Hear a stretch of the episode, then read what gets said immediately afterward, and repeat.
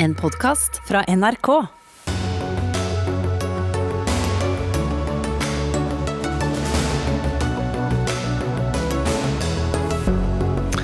Trondheim innfører flere påbud for å minske koronatrykket. Hjelper lite når tiltakene er feil, mener sykehuslege. Ingen vet om Jens Stoltenberg er aktuell kandidat for jobben som ny sentralbanksjef, men debatten om han bør få jobben hvis matte dersom, er for lengst i gang. Norske rikinger gir for lite penger til gode formål, mener Civita-økonom. Slike penger undergraver det norske systemet, mener Mimmer Kristiansson, og møter en skikkelig riking til debatt. Advokatene ber om høyere timesatser for arbeid med fri rettshjelp. Krav om økte salærer på lang sikt er 20 ganger høyere enn dagens tilbud fra staten.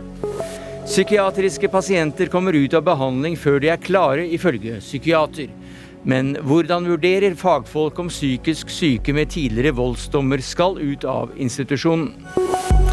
Ja, Det er noen av sakene i Dagsnytt 18 denne onsdagen, der vi også tar en prat med kvinnen bak selvbiografien, hvor Carl I. Hagen karakteriseres som både grisk og nedrig. Men vi starter denne sendinga med koronasmitten, som altså igjen har slått alle rekorder med hensyn til registrerte eh, tilfeller.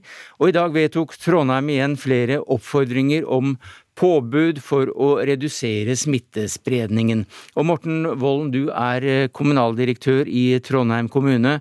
Hvilke tiltak innføres? Nei, eh, vi innfører påbud om munnbind i eh, kollektivtrafikken, og likedan også munnbind eh, i drosje. Og så innfører vi det som kalles for trafikklysmodellen i skolen. Det betyr at vi går på grønt nivå for alle skoler, som gjør at det blir en begrensning i kontakten mellom barn og færre ansamlinger i skolen. Og Der har du også mulighet til å gå over på, på gult nivå da, hvis, hvis det er skoler med mye smitteutbrudd. I tillegg har vi en del anbefalinger til, til folk i Trondheim nå. Hvorfor er dette nødvendig? Nei, Smitten i Trondheim den gikk jo fra 160 i uka til over 1000 i uka i løpet av kort tid. Eh, og vi har hatt eh, ja, i snitt ca. 200 smitta per dag. Og det skjer samtidig som du har mange eh, altså kapasitetsproblemer på St. Olavs hospital, sånn at de gikk over på gult nivå nå tidligere i uka og at vi har et stort press på våre eh, egne helsetjenester for tida. Eh, og I samråd da også da vil jeg si, med FHI og Helsedirektoratet så har vi lagt en plan for hvordan dette skal gjøres. Og I dag så vedtok eh, formannskapet i Trondheim de her mm. nye påbudene og anbefalingene. Trude Basso, du er sykehuslege i Trondheim, og i en kronikk publisert på um, Trønder Debatt så skriver du at kroniske kapasitetsutfordringer ikke kan bli en unnskyldning for at politikerne pålegger resten av samfunnet å justere aktiviteten deres. Er det det som skjer? Eh, når St. Olav heva beredskapen sin sist uke, så var direktøren veldig tydelig både til ansatte og til befolkninga for øvrig eh, om at eh, beredskapen ble heva fordi sykehuset var fullt. Sykehuset var fullt av veldig mange ulike årsaker. Et av dem er at det florerer massevis av luftveisinfeksjoner i Trondheim, som sikkert i resten av landet òg og andre grunner til at folk eh, må på sykehus.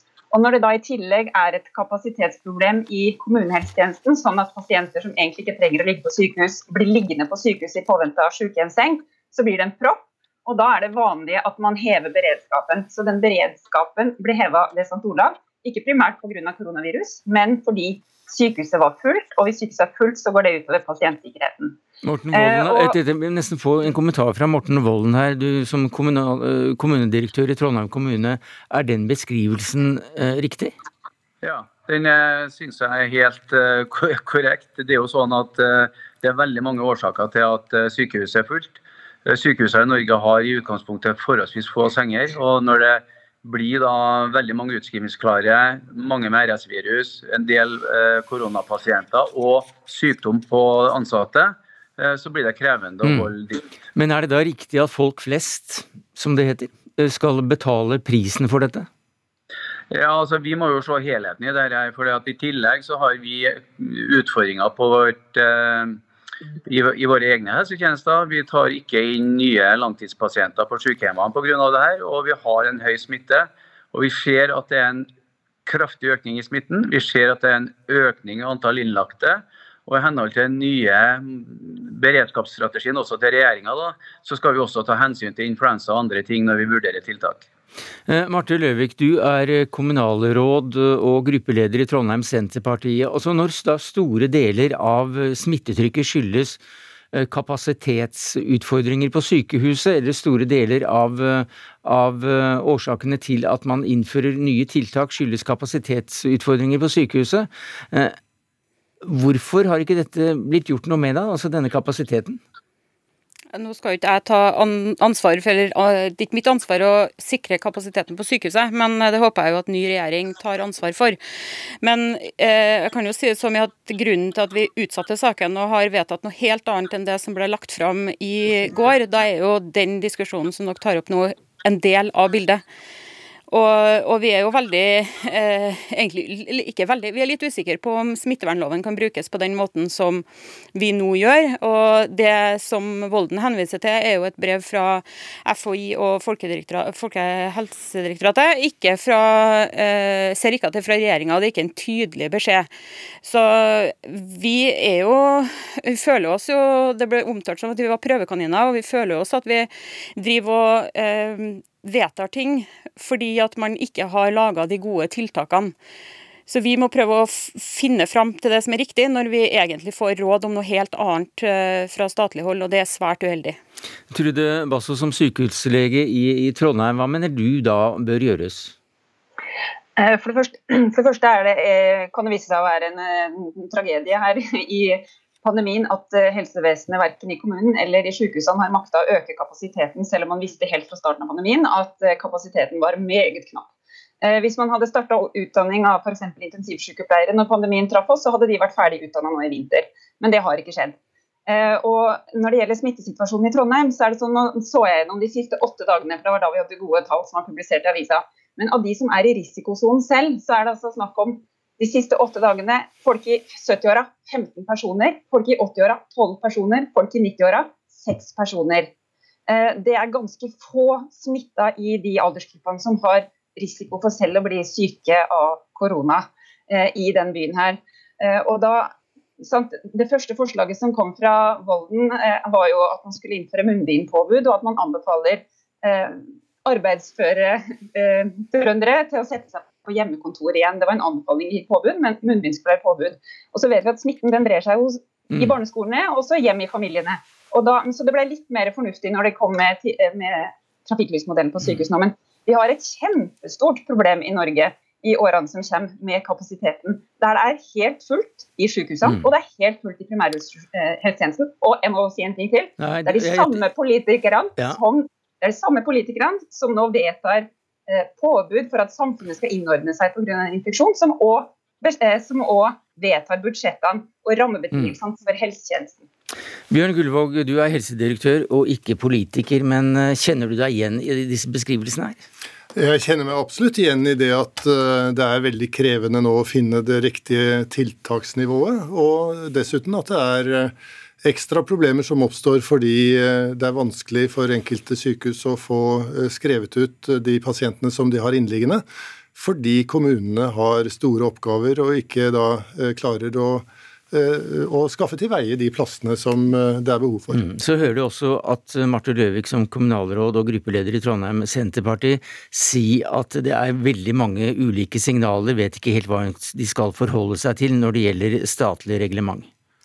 Eh, ja, og Der har vi en oppgave fra statens side. og Vi har fått eh, oppdrag fra helse- og omsorgsminister Ingvild Kjerkol å å nå presentere løsninger på ulike områder. Hvordan vi skal rådgi regionalt med ulike pakker. Eh, hvilke eventuelle nasjonale justeringer som det kan være behov for, og hvordan vi kan eh, gjøre ting annerledes eventuelt i mm. innreisekjeden. Ja, For i dag så kom du med beskjeden om at dere ønsker å citat, forsterke de samlede tiltakene både lokalt og nasjonalt. Hva kan det innebære? Nei, Det er for det første det å være gode på å rådgi eh, kommunene og også regionene med de tiltakene som er effektive. Det har vært oppe her ikke sant, at man er redd for å iverksette tiltak som er inngripende, men ikke effektive, og det er vi enig i. Det er ikke bra å iverksette ineffektive tiltak. Da vil du si at kommunene ikke har fått beskjed om hvilke tiltak som virker nå halvannet år, eh, snart to år etter at eh, koronaen var et faktum? Nei, det vil jeg ikke si. Men uh, vi er nå i en fase hvor, hvor det er litt vanskelig å finne de sikkert effektive tiltakene. Eh, og Det handler jo også om at eh, vi har eh, som et grunnleggende prinsipp at tiltaksbyrden skal være relativt lav og moderat overfor barna. Og Akkurat nå så er det slik at veldig mye av smitten, bl.a. i Trondheim, sånn som det har vært sagt, brer seg i, i barnebefolkningen.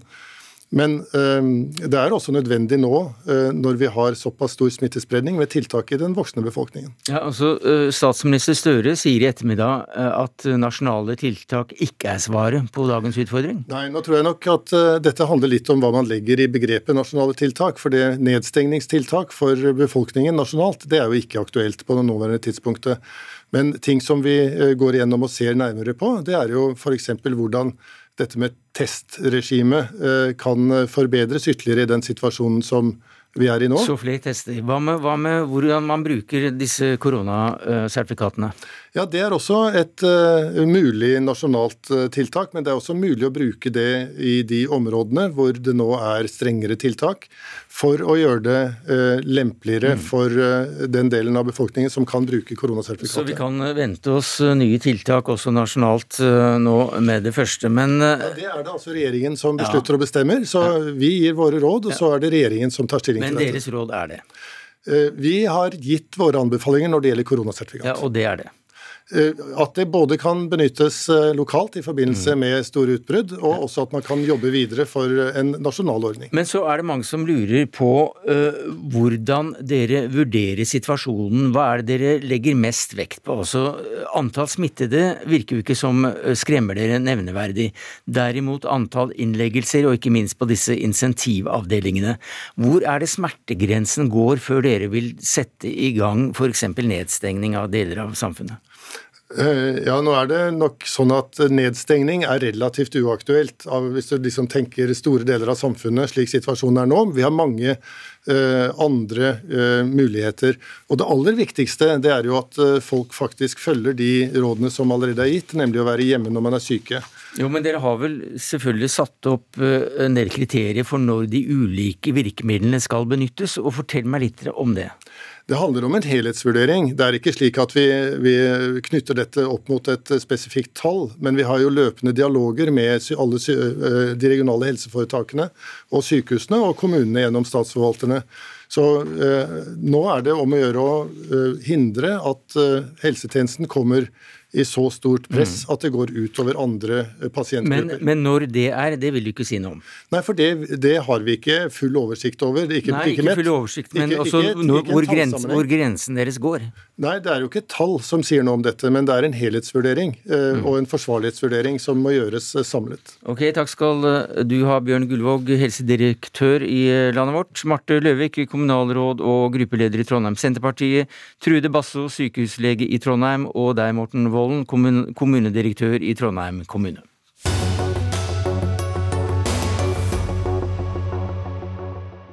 Ja, Har du lyst til å bli eh, banksjef eh, i sentralbanken, så har du en måned på deg til å finpusse søknaden. Men du får kanskje noen å, å bryne deg på, f.eks. Natos generalsekretær eh, Jens Stoltenberg. Han skal nemlig være interessert i denne jobben om henvendelsen skulle komme, ifølge Dagens Næringsliv, som har snakket med kilder nær Stoltenberg, som det heter. Jens bør få Jobben, ja det skriver dere på lederplass i Dagsavisen, kommentator Hege Ulstein. Hvorfor skal en tidligere toppolitiker ha et så viktig verv? Nå er det jo ikke bare Dagsavisen som mener dette. Jeg mener å ha lest tilsvarende synspunkter både i VG og Dagens Næringsliv. Jo, men nå er du her. Men uh, nå er jeg her, og mm. det, det er hyggelig. Um, nå er det sånn at uh, du kan si at denne jobben er litt todelt. Det er den mer sånn klassiske sentralbanksjefrollen som handler om å sette renta opp og ned osv. Og, så og så er det en annen veldig viktig del av den jobben, som er å være styreleder for oljefondet. Og der er det to ting å si. For det første så er det sånn at nå har jo regjeringen lagt på is, endelig, da, dette forslaget fra den forrige regjeringen om at disse to rollene skulle innehas av to personer. Sånn at da blir det én og samme person som skal ha ha disse to rollene i kraft av å være sentralbanksjef. Og det er ikke noe særlig tvil om, tror jeg, at den viktigste rollen er det å være styreleder for oljefondet. Og hvis vi da legger til det som vi har sett står i Hurdalsplattformen, og som den nye regjeringen legger opp til, så er det klart at det vil være en veldig viktig rolle framover. Men, Både nasjonalt og internasjonalt. Men hvorfor er Stoltenberg så den genuine, opplagte kandidaten til å ta over dette? Ja, da, det, da, tror jeg den form for kompetanse og eh, kvalifikasjoner han har, treffer veldig riktig. Hvis du ser for deg at du skal ha et oljefond som skal ta mer hensyn til klimarisiko, vi kommer helt sikkert til fondsmeldingen til våren til å få mye tydeligere signaler fra regjeringen på hvordan man skal bruke fondet mer aktivt. Ja, er, vi snakker om verdens største pensjonsfond, og da trenger du en eh, type som har gode internasjonale kontakter, som har dyp politisk forståelse, som har innsikt i den type prosesser. og da peker han seg ut med sin erfaring. Han har vært finansminister, statsminister, næringsminister, han er økonom, han har et bredt internasjonalt nettverk. og eh, alle de faktorene gjør at han er veldig godt kvalifisert. Og han har partiboka i orden. Ja, Det er kanskje mer et problem for han enn en forskjell, vil jeg tro at min sidemann her vil si. Det, som, heter Sveining, eh, som heter Sveining Rotevatn, stortingspolitiker eh, fra Venstre og plutselig medlem av finanskomiteen på, på Stortinget. Du er skeptisk til Stoltenberg, hvorfor det? Ja, jeg er det. Eh, og jeg mener at det er litt krevende å, å mene noe om, både fordi at jeg respekterer Jens Stoltenberg, og fordi at det er ikke Stortingets ansatte sentralbanksjef. Men jeg har likevel valgt å si at jeg på vegne av Venstre er skeptisk til kandidaturet til Stoltenberg. Og det har med å gjøre at Stortinget har, bl.a. med ny sentralbanklov, ytterligere forsterka og betona viktigheten av uavhengigheten til Norges Bank. Det er enormt viktig. Dette er ikke et hva som helst underliggende direktorat som kan og skal instrueres av regjeringa. De er uavhengige og er avhengige av tillit når de skal ta ganske krevende og upopulære beslutninger, f.eks. om rente. Og bare for å ta et scenario, Du kan tenke deg en ganske oppheta situasjon, kanskje det nærmer seg et valg, eh, der eh, inflasjonen er høy fordi regjeringa har brukt for masse penger og Norges Bank eh, burde, eller må diskutere om man skal sette opp renta. I en sånn situasjon så mener jeg at det vil være veldig uheldig om det kan stille et spørsmål med, i det hele tatt mistenkes at en sentralbanksjef tar andre hensyn, hensyn til norsk økonomi. Og da må jeg få lov til å si helt til sist at jeg klarer ikke å tenke meg en person som har sterkere partipolitisk eller personlig tilknytning til regjeringa enn det Jens Stoltenberg har. Ja, det er, det er helt opplagt eh, relevante innvendinger. Jeg tror jo at dette er profesjonelle aktører som er såpass erfarne i å håndtere den type problematikk at det vil kunne la seg gjøre å finne løsninger på dem. Men først og fremst så tror jeg det er veldig bra at den diskusjonen kommer opp nå, i god tid før søknadsfristen går ut og mm. før ansettelsen skjer, så man kan få en åpen, åpen debatt om, om disse mm. problemene. For at de, at de er der, det er det jo ikke noen som helst slags tvil om. Nei, Rotevatn han er altså svært eh, kvalifisert og ifølge Ulstein da såpass profesjonell at han klarer denne bindingen til Arbeiderpartiet. Ja, men det mener jeg ikke har noe med saken å gjøre. fordi at Jeg betviler ikke hans personlige integritet. Men når du snakker om spørsmål om uavhengighet og habilitet i forvaltninga, så er ikke spørsmålet er du faktisk påvirka, er du faktisk profesjonell. Spørsmålet er er det mulig å mistenke noe annet. Kan det være grunn til å tro noe annet? Hvis du kan det i forvaltninga, da er du inhabil, uansett hvor profesjonell du er. Og Det samme mener jeg er viktig å ha med seg når en skal vurdere en ny eh, sentralbanksjef. Kan noen finne på å stille spørsmål her? Og det at Jonas Gahr Støre som statsminister har valgt å si seg selv dundrende inhabil i enhver befatning med den ansettelsen, tjener som en illustrasjon på at her er det bånd som er veldig sterke partipolitisk personlige, og som en i alle fall bør ha med seg og gi grunn til å tenke seg om både én og to ganger, enten du er Dagsavisen eller du er finansminister Trygve Slagsvold Vedum som skal gjøre denne ansettelsen. Ja, nei, altså jeg, er helt, jeg, er helt, enig i at dette er, eh, og det skriver jo Dagsavisen på lederplass også, at det er en eh, et viktig argument mot hans kandidatur, og det sterkeste argumentet. og det er, Jeg tror det er veldig viktig at vi diskuterer det og tar det opp. Mm. Jeg har landet på for min del at jeg tror at det går an å finne måter å håndtere det på. Eh, jeg tror det er bra at det skjer i åpenhet, og at man er klar over disse bindingene, og at ingen prøver å late som at de ikke er der. Og det tenker jeg det er et godt utgangspunkt for å, mm. for å klare å håndtere det. Men altså, det kan godt hende at man lander på den motsatte konklusjonen og sier at nei, dette funker ikke, det går ikke, det er for tett. Eh, og dessverre så mister vi da den helt opplagt beste kandidaten mm. til den jobben. Cecilie Langum Becker, du er økonomikommentator her i NRK. Det er ingen som har sagt at Stoltenberg faktisk er aktuell kandidat, men allikevel så diskuterer vi dette her. Ja, det er, det er litt morsomt. Altså, det har jo lenge vært spekulasjoner om Jens Stoltenberg. Det er lenge siden jeg hørte det første gang, eh, og jeg lanserte det her og sa dette har jeg hørt, og nei, det, det, det var liksom ikke aktuelt. Og så eh, tok det jo veldig fyr da i begynnelsen av november, nei, oktober, da i et intervju med VG der hvor han ikke avviste disse spekulasjonene. Han kunne bare sagt at nei, dette her er helt uaktuelt, eh, men han sa at, eh, han, han, sa at, han, at dette skulle ikke han ta stilling til nå. Så det var det som virkelig satte fyr på den debatten. Og så kom denne saken i DN, der hvor, eh, der hvor de har kommet frem til at han kommer til å si ja hvis han blir spurt. Så det var liksom det som satte i gang eh, hele denne ballen. Men du har også lest stillingsannonsen. Er det noen pek på hvem som kan være aktuelle der? Ja, altså nå har jeg lest stillingsannonsen nå, og så sammenlignet den litt med den forrige stillingsannonsen eh, altså fra 2016, da, som endte opp i ansettelsen av Øystein Olsen. Så det er et par ting som er nye. da. F.eks. relevant ledererfaring fra komplekse organisasjoner. Man skal håndtere kriser og beredskapssituasjoner. Eh, man trenger samfunnsinnsikt eh, og innsikt i internasjonale utviklingstrekk osv. Dette er jo, Sannsynligvis så hadde disse kvalifikasjonene ligget der uansett, men eh, Jens Stoltenberg sjekker jo av på alle disse boksene. Det, det gjør han. Tilfeldig, Rotevatn? Nei, det vet jeg ingenting om, og det, det skal ikke jeg uttale meg om. Men, men, men det er i hvert fall slik at vi har ikke hatt en sentralbanksjef i Norge med denne typen enormt sterk partitilknytning i moderne tid, siden Norges Bank fikk den uavhengigheten den har i dag, med tanke på rentefastsetting f.eks. Så det vil jo være i alle fall eh, en svært oppsiktsvekkende ansettelse som vil bryte ganske betraktelig med det en har gjort de siste par tiåra. Ja, par tiåra, men også før det så har vi hatt flere venstre, eh, markerte venstremenn som, eh, som sentralbanksjefer. Jeg vet ikke om du husker navnet på alle, men det er i hvert fall tre stykker. Carl Gertner Boomhoff, fram til 1920. Kristoffer Restad, London-regjeringen til 45. Gunnar Jan, 1946 til 1954. Det var nok ikke jeg som ansatte dem. Uh, og i alle tilfeller så er dette Men de var venstrefolk, Jo, men det er viktig å huske at dette var en helt annen tid. ikke sant? Der det for det første var mye partiansettelser, som var en uting. Mm. Uh, og for det andre at Norges Bank på 80-tallet fikk en helt annen uavhengighet med tanke på pengepolitikken, og den ble ytterligere forsterka med ny sentralbanklov i 2019. Slik at uh, det å legge stor vekt på partitilhørighet, slik en kanskje en gang gjorde for 100 år siden, mener jeg var helt uaktuelt i dag. Om det skal stenge for Stoltenberg, det må jo regjeringa vurdere. Ja. Men, men du, mener, du, mener, ja? Jeg er ganske skeptisk til dette. Men man kan snu litt på det også. fordi Det som det ikke er noen tvil om, det er at vi kommer til å trenge en sentralbanksjef med politisk forståelse, også når det gjelder internasjonal politikk, internasjonal økonomi og klimapolitikk. Det, det ligger i å ha den rollen som, som handler om oljefondet.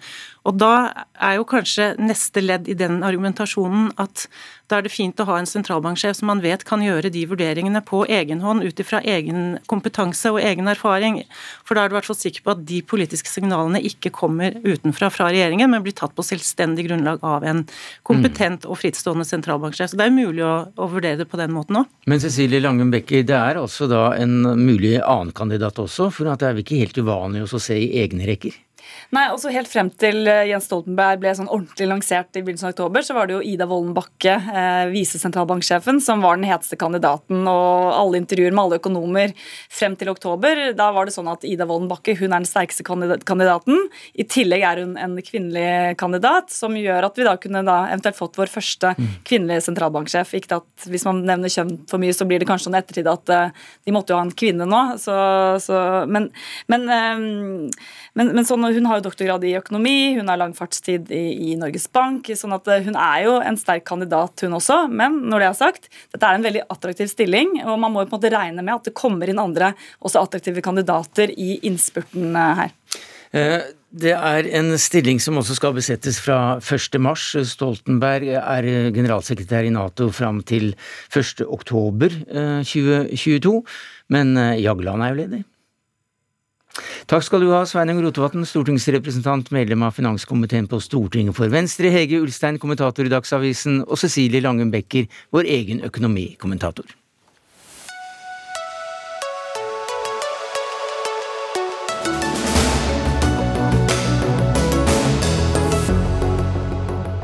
Så til eh, noe de eh, fleste skulle hatt eh, mer av, nemlig penger. Og denne gang andres penger. I forrige uke ringte sjefen for Verdens matvarefor matvarefond til Elon Musk og spurte om han ikke kunne bla opp 50 milliarder kroner for å redde 42 millioner mennesker. Klart jeg kan, eh, sa Musk og Tesla-gründeren, ifølge Bistandsaktuelt. Og det fikk da noen til å tenke på våre egne rikinger, og burde de gi mer? Ja, mener du Mathilde Fasting, idéhistoriker og økonom i Civita. Hvorfor mener du at eh, våre egne rikinger bør gi mer? Ja, De gir jo ganske bra allerede, men de kan godt gi mer hvis de har lyst. Ehm, jeg tror at eh, det vil styrke mangfold i finansieringen på veldig mange aktiviteter og bidra til maktspredning, særlig innenfor sivilsamfunnsting som kultur og idrett og kanskje også, eh, også andre ting som går utenfor f.eks. medisinske ting. Det er mange ting å støtte, egentlig. Og Derfor så bidrar det jo også til å finansiere prosjekter som kanskje ikke blir prioritert av det offentlige. Eh, og så styrker det også valgfriheten faktisk for de menneskene som har prosjekter, eh, gode prosjekter og som trenger støtte. Og de er det ganske mange av, fordi det er ikke plass til alle på statsbudsjettet. Og det er ikke alle som er vanlige mennesker ellers. og dermed så trenger de å ha et mangfold av muligheter og kunne søke penger.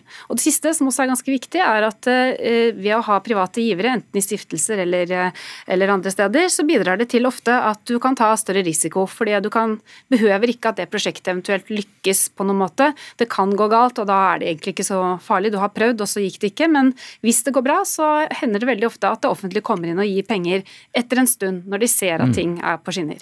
Mimer Kristiansson, stortingspolitiker for Rødt, hva sier du? Jeg vil jo først og fremst at de rike skal betale mer i skatt. Eh, og det er morsomt at dette begynner med en debatt om Elon Musk, som jo selvfølgelig gir bort penger, men som jo heller ikke betaler nesten noe som helst skatt i USA. Og land hvor eh, veldig mye av velferdssystemet, kulturlivet, idretten er bygd opp på rike menneskers altså misser og veldedighet, det er ikke de best fungerende samfunnene i verden. Det er det tvert imot land som vårt, og det er jo et land hvor eh, rike mennesker skatter relativt mye, og burde selvfølgelig skatta enda mer. Og Hovedpoenget mitt er jo at det bør ikke være opp til noen enkeltpersoner å bestemme hva som er støtteverdig eller ikke i et samfunn. Det er ikke sånn vi bør f.eks. basere oss på å finansiere helsevesenet vårt eller forskning på kreft eller den type ting. Det bør være demokratiske beslutninger som tas i flertall. Men det er jo ikke sånn. Altså, det er en veldig liten del av det totale beløpet. Så jeg leste et eller annet sted at det er ca. 6 milliarder kroner som deles ut fra stiftelser hvert år i, i, Norge, eller eventuelt kanskje litt mer hvis du tar med private donasjoner også. Og statsbudsjettet er helt enormt. Så her snakker vi om at det er mange ting som kanskje ikke når overflaten til disse statsbudsjettene, og som gjør at eh, det rett og slett eh, ikke er så veldig farlig om det bidrar til å få gode prosjekter ut som kanskje ikke hadde fått finansiering hvis ikke det hadde vært mm. for at noen brød seg om det. Nei, jeg tror ikke det er veldig farlig at Kristian eh, Ringnes eh, bygger en skulpturpark eller gir penger til et småflaskemuseum. Det tror jeg ikke er noe man trenger å bli eh, bekymra for. Men jeg tror vi skal innrette oss på at vi ikke skal ha så store formuer her i landet, men i stedet satse på at vi har en fellesskapsfinansiert velferdsstat. Og så var jo argumentet til Mathilde Fasting nettopp at det er ikke alt det er plass til på statsbudsjettet. og Da kan jo jeg glede meg at Rødt har mange forslag til hvordan statsbudsjettet kan bli enda større. Jo, men det, treng, det trenger ikke, ja, ja, men det trenger vel ikke være enten-eller her. Altså, vi snakket med Trond Moen tidligere i uka, som sa det at det han gjorde, var jo også uh, fylle igjen de hullene som, som ikke statsbudsjettet klarte å fylle, f.eks. når det gjaldt idrettsbaner. Ja, og det er jo gledelig at Trond Moen eh, vil gjøre det, men det er jo først og fremst et systemproblem. Hvis vi ikke er i stand til i landet vårt å bygge idrettsbaner som vi trenger, så har vi et systemproblem. Og da er vi nødt til å fikse det på en demokratisk måte. Ikke være prisgitt at en eller annen riking finner det for godt å gi penger til det. Og så er det jo sånn at Trond Moen har jo et stort hjerte for sin hjemby Bergen, men det er klart at dette kjennetegner jo de rike òg, at de har jo sine eh, prosjekter som de eh, har et spesielt hjertelag for, mens demokratiets prinsipper er jo helt annerledes og mye mer rasjonelle enn en bare hva som faller inn på innfallsmetoden. Og da en som eventuelt bryter med det demokratiske prinsippene her i landet, det er da Kristian eh, Ringnes. Du har gitt penger til en rekke formål. Vi husker kanskje best denne kulturparken med kvinnekropper som har gjort at en hel generasjon snart uh, unge mennesker har kommet et år for tidlig i puberteten. Men uh, du har også da strødd penger rundt deg og gjør det med, med glede. Hva sier du til den debatten du har hørt nå?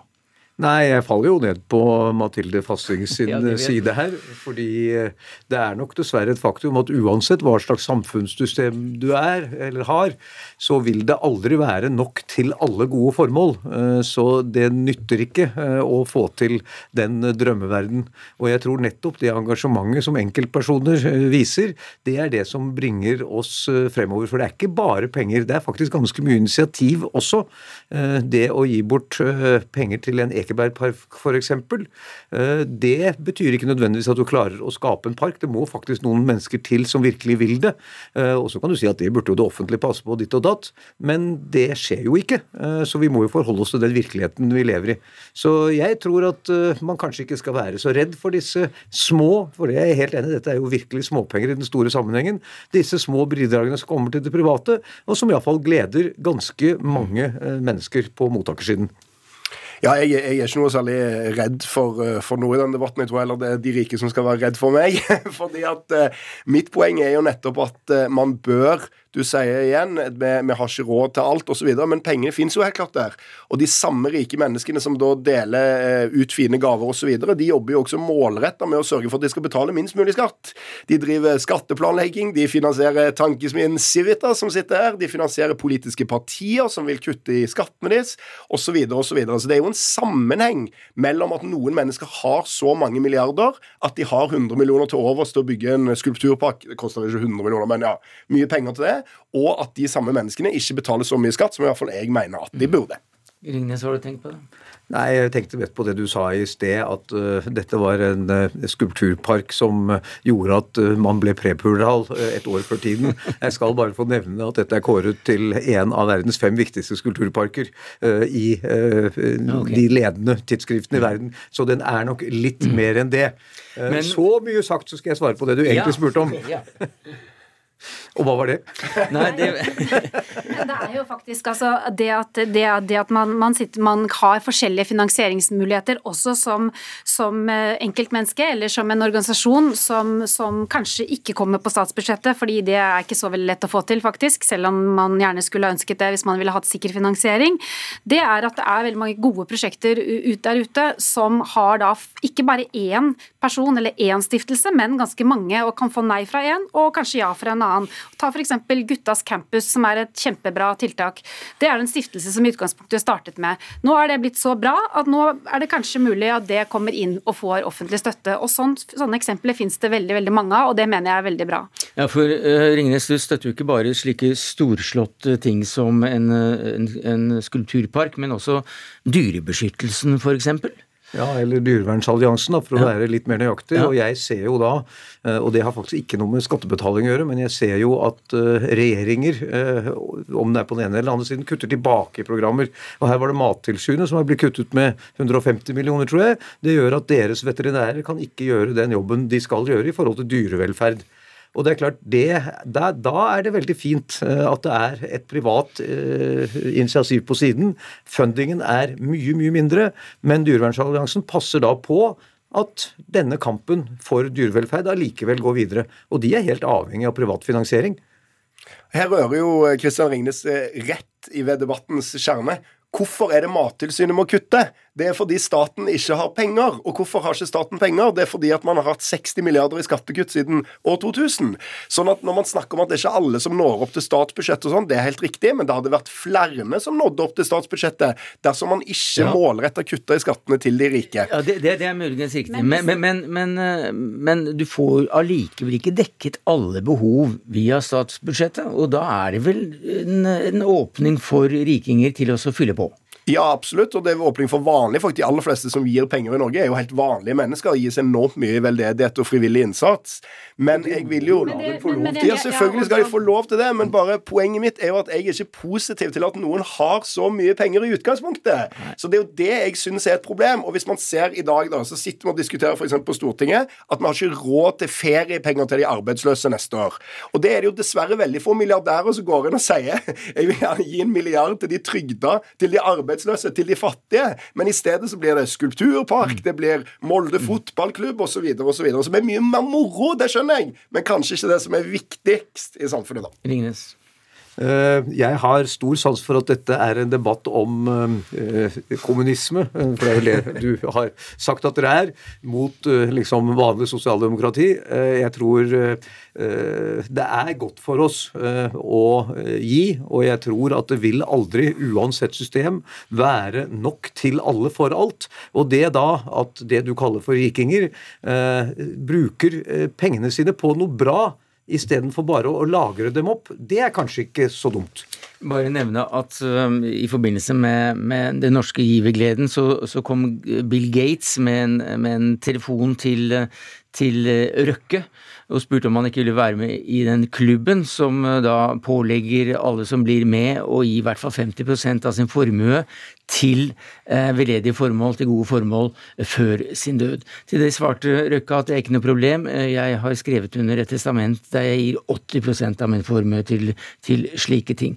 Hva Er det mer av slikt du, du, har lyst til å se, Mathilde Fasting? Det kan det godt være. og dessuten Hvis man gjør, donerer penger på den måten, eller f.eks. lager en stiftelse, så vil man jo knytte til seg dyktige folk til å drive den stiftelsen. Man har et formål der. og Hvem er det som tenker på i dag at Fritt Ord f.eks.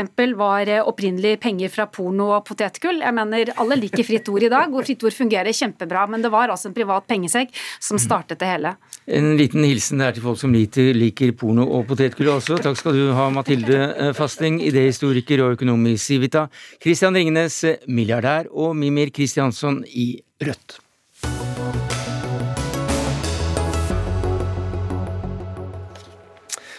Ja, den åpner med barndommen til eh, byjenta, der eh, over skofabrikken på Majorstua i Oslo, og slutter med hva du nå fyller livet ditt med av hundekos og tantebarn. Siv Jensen, med egne ord, heter da selvbiografien din. Du kom med den i dag. Gratulerer med bok. Tusen takk. Har Carl I. Hagen ringt og gratulert? Nei, han har nok ikke det. Eh, nei, for Jeg spør fordi at det er selvfølgelig det kapitlet der du omhandler han spesielt, som Eh, fikk mye oppmerksomhet i går, da de som har fått lest boka av kommentatorer, kom med, med, med sine analyser og hva, hva, boka egentlig inneholdt. Grådig, dundrende illojal, nedrig, gjorde hva som helst for å gjøre jobben min som partileder vanskelig, det skriver du. Eh, hvordan gikk det inn på deg? La meg bare få lov å legge til at jeg skriver også ganske mye pent om et stort politisk forbilde som jeg har hatt siden jeg var veldig ung og som har gitt meg veldig mange muligheter i politikken. Men eh, det har gått inn på meg, ja, fordi jeg som fersk partileder hadde en hengende over skulderen min hele tiden, som da åpenbart ikke var fornøyd med noe av det jeg gjorde. Um, og da er du veldig sårbar. Um, så i begynnelsen så jeg dette var veldig, veldig vanskelig. Uh, men etter hvert så kom jeg vel til et punkt hvor jeg kjente at jeg orker ikke å la, la det affisere meg lenger. Nei, for du nevnte også alt det gode han, han da sto for. Ifølge deg så, så, var det jo hans uh, TV-debatter som tente den politiske gnisten i deg. Ja, blant annet. Uh, ja, og det var Hagen som ga deg eh, plass, tillit, makt og, og ansvar, skriver uh, vår kommentator i, på NRK Ytring i dag. Og det var han du så opp til. Det var han som også ga deg for så vidt jobben. Og så er da fallet ganske stort fra eh, hva slags forhold du hadde til han, og forholdsvis raskt til at det, det ble som det ble. Eh, hvorfor skjedde dette? Det er litt vanskelig for meg å svare på. Uh, men jeg Jeg har jo bare liksom observert at uh, han åpenbart har ment at uh, han angret på at han ga fra seg partilederklubba til denne jentungen som han har definert meg som. Ehm, jeg har vært opptatt av å prøve å fylle rollen min eh, de årene jeg har vært partileder, eh, på min måte. Eh, gått i mine sko. Og jeg har opplevd et parti som i all hovedsak tror jeg har vært ganske fornøyd med det jeg har gjort. Mm. På ingen måte perfekt. Vi har gjort masse feil, og det skriver jeg også om i boken min. Vi har hatt håndtering av en del skandaler som ikke har vært ja, det har, det har vært noen flaue forestillinger, vil jeg si, men jeg har lært mye av det. Hva er den flaueste? Jeg vet ikke om jeg skal rangere de, men de gangene hvor vi ikke har håndtert det godt nok, hvor jeg har tullet det bort, eh, ikke tenkt i tilstrekkelig grad på menneskene som har vært involvert. Seksuell trakassering, overgrep? Ja, men du vet, det er, jo, altså, det er jo ikke partiet eller jeg som har eh, stått for dette, det er jo enkeltpersoner som gjør det, men du jo, men må jo svare det, det for det på Ja, du må svare for mm. det, og du må håndtere det, det er, men det er nok litt den derre opplevelsen av folk som står deg nær, for du egentlig ikke kan fatte at, eh, at de har viklet seg inn i noe så dumt. Eh, og så blir du litt Mister litt gangsynet, kanskje, i måten å håndtere det på. Så vi har jo lært veldig mye av det i forhold til rutiner, eh, hvordan man rutinemessig skal følge opp den type ting. Alltid huske på at det er minst ett offer. Men kanskje den viktigste lærdommen, tenker jeg, for alle, og alle politiske partier og organisasjoner, det er jo at når du er i en maktsituasjon, en maktposisjon, så er det alltid mennesker der ute som ser opp til deg, og da, de er veldig sårbare. Eh, og da må du være forsiktig med hva du gjør. Miste gangsynet, hva mente du med det?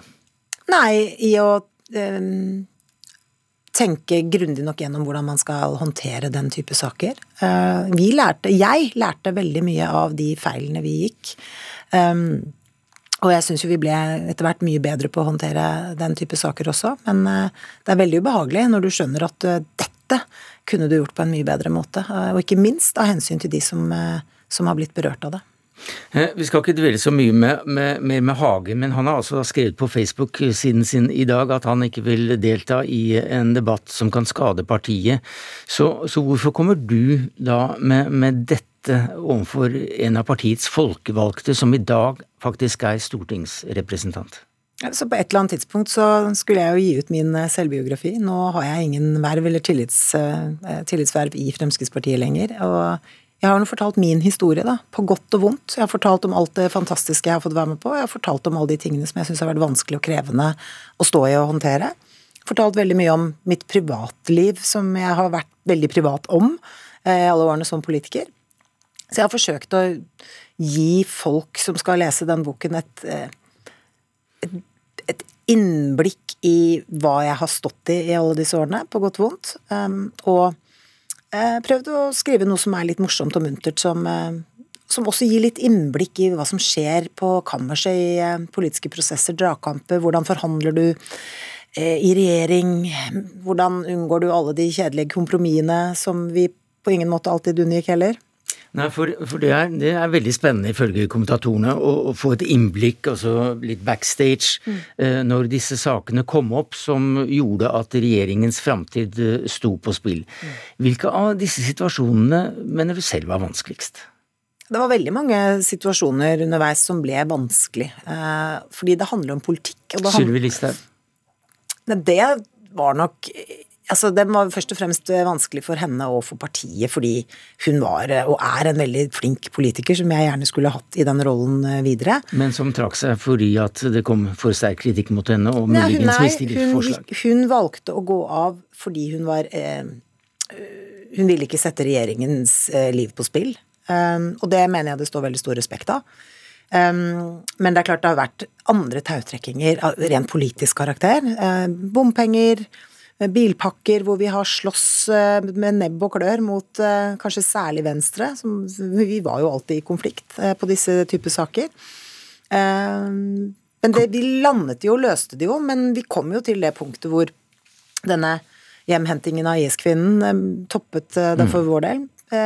Og at det ble for mye grå og kjedelige kompromisser. Og du vet, Fremskrittspartiet har jo alltid vært sånn at vi sitter jo ikke i regjering bare for å sitte der. Vi har sett på det som et virkemiddel for å gjennomføre egen politikk. Og når Men, vi ikke klarte det, da måtte vi trekke oss. Men slik mange kjenner deg, så er ikke du av dem som går veldig raskt av banen når det blir en kamp. Og vil du savne Trine Skei Grande og, og, og kranglinga med henne?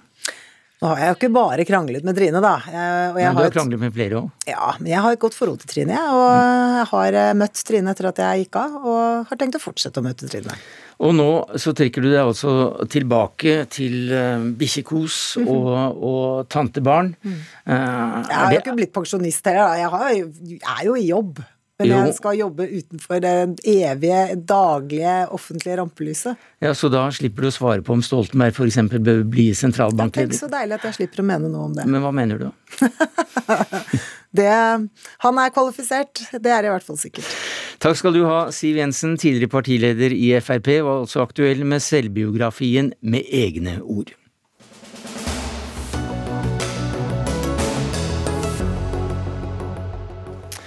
Advokatene vil ha høyere timesats til fri rettshjelpjobbingen. Regjeringen vil sikre at alle som trenger eh, rettshjelp skal få det, og går derfor inn for å prisjustere salærsatsen. Tilbudet som regjeringen kommer med er 22 kroner økning per time, mens kravet på lang sikt, altså på lang sikt, er 20 ganger høyere enn det tilbudet er i dag. I år er kravet rundt fire ganger eh, høyere. I dag går advokater ut i en streikelignende aksjon ved å nekte å ta nye saker for Høyesterett, og Jon Wessel Aas, du er leder for Advokatforeningen. Hvorfor er ikke tilbudet om 22 kroner godt nok? Jeg tror vi må bare begynne i en annen ende. Eh, den 20-gangeren kjente jeg ikke helt igjen, men vi trenger ikke ta matematikken i det. Altså dette, nå snakker vi om den satsen som stat eller kommune betaler til advokater når borgerne har krav på at det offentlige dekker rettshjelpen deres. Det er typisk når du har krav på forsvarer, eller det kan være barnevernssaker, mange typer saker. Eh, og den satsen, som er kostnadsdekning, er på 1085 kroner i dag. Eh, det vi har sagt, er at en bærekraftig sats, eh, bare så det er klart, i dag, eller i 2022, vil være på 1560 kroner. Um, men problemet her, og det tror jeg også denne regjeringen vi er glad for at de, vi ser at de har erkjent problemet, de arvet jo et, et budsjett uh, fra en annen regjering, at de ser at det er et problem. Problemet her er at dette har vært underfinansiert i en nedadgående spiral i 20 år nå. Eh, for 20 år siden gjorde eh, regjeringen og Stortinget et løft hvor de erkjente de samme problemene vi ser i dag den gangen, og løftet det opp i tre trinn, opp til det som var bærekraftig. Siden den gang så har det gått nedover i den grad det har vært lagt på noen kroner mm. innimellom, så har det ikke engang dekket lønns- og, og, prisvekst. Men eh, denne regjeringen har altså gitt dere noe, men ikke ja. nok. Jon Erik Vika, du er statssekretær i Justis- og beredskapsdepartementet, representerer Senterpartiet. Eh, hvorfor har dere ikke kunnet strekke dere lenger? Isolert sett, isolert sett så, så, høres 22 kroner lite ut, og vi skjønner at det er lite. Det, det skjønner vi bare med i beløpet. Men ser vi liksom totale kostnaden, så snakker vi altså om 36 millioner kroner. 36 millioner kroner. Justisdepartementet må drive harde eh, prioriteringer, og det måtte vi også i denne tilleggsproposisjonen. og Da er det veldig begrenset hvor mye vi klarer å få igjennom. Vi ønsker jo at politiet skal bli mer nærpoliti, at domstolene skal få sitt, det, det mange kriminalomsorgen osv. osv. Og da hadde vi en, en, pott på 460 millioner kroner totalt. Og hvis vi skulle ha innfridd det totale kravet, altså gått opp en hele satsen som de ønsker, ja da er vi altså oppe på, på 705 millioner kroner. Så, så vi har satt i en skvis, må bare ta harde prioriteringer. Sånn blei det. Bare så en ting jeg har sagt, Vi har jo sagt nå hva vi mener ville vært riktig 2022, men vi skjønner jo realitetene. så Vi har sagt at vi må ta et skritt mot det og ha en opptrapping. Så vi har sagt 1200 for 2022 det syns vi vil være riktig. Men, men, jeg vil bare få frem også, sånn at seerne, leserne, lytterne mener jeg forstår dette. Dette er jo kostnadsdekning, realiteten, for dette er en komplisert ordning. Én ting er en sats. Veldig mange av disse sakene er det stykkpris på. Når man reiser, så halverte den forrige regjeringen satsen på reise. Eh, som rammer hardt for advokatene i distriktene som jobber med disse sakene. Realiteten i hvordan ordningen fungerer, er at man sitter ofte igjen med bare noen få hundre kroner, av og til under 100 mm. kroner timen i realiteten, mens driftskostnadene for det selvstendig næringsdrivende advokater i disse saker, eller som driver sånn, det ligger på minst 300-500 eh, kroner. Så de, de mm. jobber rett og slett med underskudd gratis for staten. Men også, du er ikke redd for at eh, det inntrykket vi sitter igjen med, nemlig at advokater klarer seg egentlig ganske bra? At de vil ødelegge for disse kravene? Det er akkurat det, derfor jeg prøver å forklare dere det. Jeg skjønner godt at folk sitter med et inntrykk av det, for det finnes advokater som jobber for helt andre segmenter. Jo, altså Innenfor regelverket deres, eget regelverk, så er jo 4000 kroner en, en, en sats i den øvre sjiktet i timen. Hvilket regelverk? Ja, det kan jeg finne til deg, men det er altså Det var ikke, ikke noe regelverk jo, om det, men det er helt riktig at, at, at, at Regelverk, det er noe dere også forholder dere til? Nei, det, det, er ikke det, skjønner du. Altså, det, nå snakker vi om offentlige satser. når det er offentlig rettshjelp. Private saker med advokater som jobber med forretningsjus osv. Der er det fritt marked. Der ja, er det, er andre timepriser. Det, det, helt... det er retningslinjer der også, og ifølge retningslinjene så er taket der 4000 kroner. Det, det, stemmer ikke, altså det må være en misforståelse. Aha. Der er det fritt marked, men vi snakker ikke om det segmentet. Vi snakker om advokater land og strand rundt som jobber på vegne av det offentlige for borgere som har krav på rettshjelp. Og, og der snakker vi overhodet ikke om sånne timepriser. Da snakker vi altså om at de i realiteten jobber for noen få hundre kroner timen, og veldig ofte sånn at det er under kostprisen mm. deres. Og, og, det offentlige, bare for å nevne det Nå nei, jo, vi, må, jo, vi, må nevne, høre, nei, vi må høre med regjeringen her. Også. Det er vel ikke meningen at eh, advokater skal være idealister som taper penger på å forsvare folk som ikke har råd til å betale slik at staten betaler? Absolutt ikke. Det er ikke noe mening i det, og vi er veldig opptatt av den rettshjelpsbiten. Men det er bare at vi arva altså et budsjett fra forrige regjering på null kroner. Og det vi gjorde nå, når vi da fikk den lille potten vi gjorde, så klarte vi å prioritere inn et lite steg. Mm. Vi må si det, et lite steg i riktig retning. Så skal vi da eh, ha et møte allerede i morgen med Advokatforeningen, mm. hvor vi får belyst dette her enda mer på hva som er de virkelige utfordringene. og ja, det for, for i Danmark er satsen det dobbelte, i Sverige er det den samme. Ja. Så det er ganske forskjellig praksis. I Sverige er den det vi mener ville vært bærekraftig. Aha. Men uh, hvor lang uh, tid uh, vil det gå da før du gjør slik at Wessel også blir fornøyd? Det kan jeg ikke love, men det jeg kan love, det er at vi starter jo allerede i desember med 2023-budsjettet. og Det er jo der vi må jobbe det inn, for dette er en tilleggsproposisjon som var Det var knapp tid, vi hadde tre uker på oss. Det var det vi greide. Vi vi var fornøyd for at vi i det hele tatt fikk det inn, for å si det mildt. Men vi har mange store utfordringer også på det feltet. Mm. Så som sagt, jeg gleder meg til det møtet i morgen, hvor vi kan få belyst det på en, på en ordentlig måte. Jeg vil, jeg vil si at det, det, er viktig, det, vi gleder oss til det også. Og dette må skje en opptrapping. Og det som er gledelig denne gangen for oss, istedenfor å bli beskyldt for at vi bare meler vår egen kake, i realitetsbildet som jeg har prøvd å tegne nå, det tror jeg alle skjønner, det er ikke bærekraftig. Og nå har jo Dommerforeningen gått ut, Domstolsadministrasjonen, eh, domstolsleder i de store tingrettene har jo gått ut og støttet oss og sagt nå er det krise, dette er ikke bærekraftig. De ser effekten av det i domstolene med den kvaliteten som leveres. Altså, så det er jo fint at regjeringen erkjenner problemet. Og så skjønner vi at eh, det er budsjetter, men det viktigste er at vi kommer i samtaler om jo, det nå. For nå sier også, alle, retts, altså, alle, aktørene i rettssystemet ja, sier at nå ja, det, er det Det har du faktisk fått lov å si noen ganger, Jon Wessel Aas. Men Eh, når du da ser på utviklingen av lønningene her, så, så, er det vel også slik at dere kan si nei hvis ikke dere syns dere tjener nok? Dere kan si nei til oppdrag? Men det er jo akkurat Det er jo ingen advokater som har plikt til å ta disse oppdragene, nei, nei, og det er akkurat det som skjer. Det er, det er, jo den negative utviklingen, ikke sant? Mm. Takk skal du ha, Jon Jon Aas, leder av Advokatforeningen, og til deg, Jon Erik Vika, statssekretær i Justis- og beredskapsdepartementet.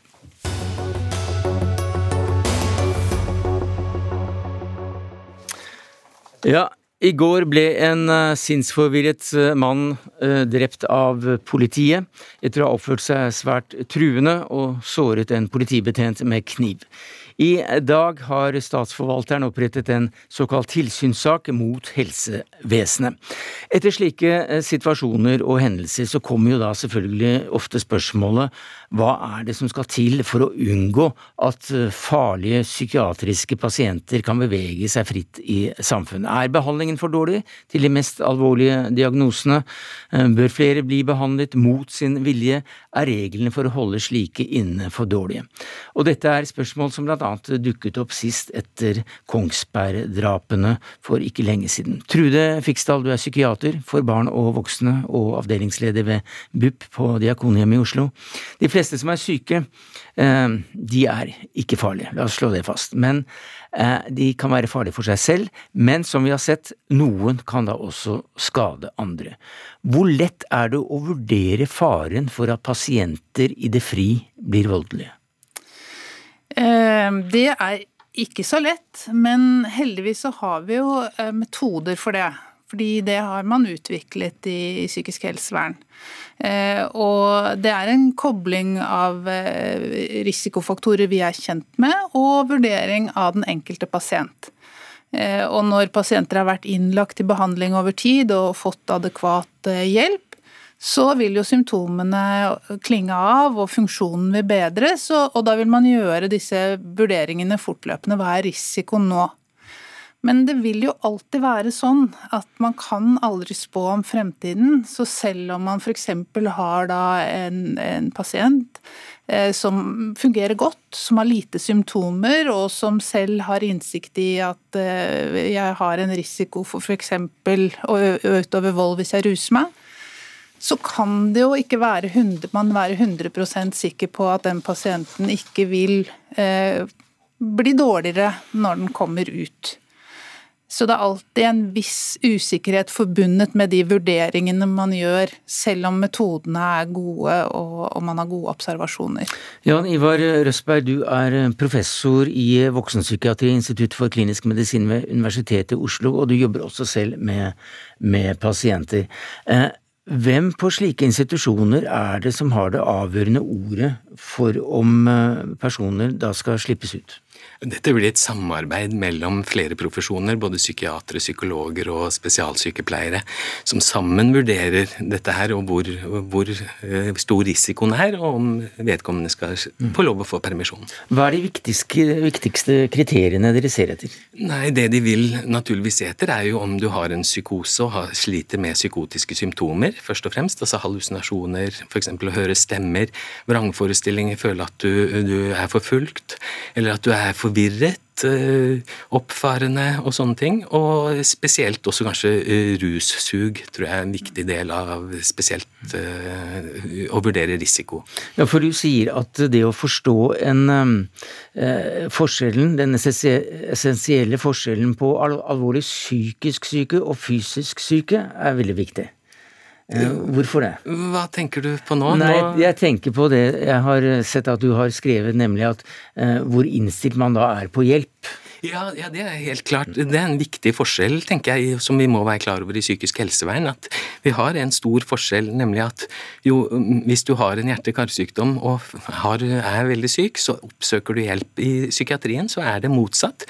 Jo sykere du er, jo mindre er du, vil du egentlig ha hjelp. Og det er et sånt paradoks vi må leve med. Som også er en utfordring. Ja, og noen ganger så er det jo sykdommen i seg selv som gjør det vanskelig. Altså du, du tar spiseforstyrrelser, alvorlige spiseforstyrrelser. Der vil det være sykdommens på en måte iboende eh, det, som er iboende i sykdommen, at du ikke skal spise.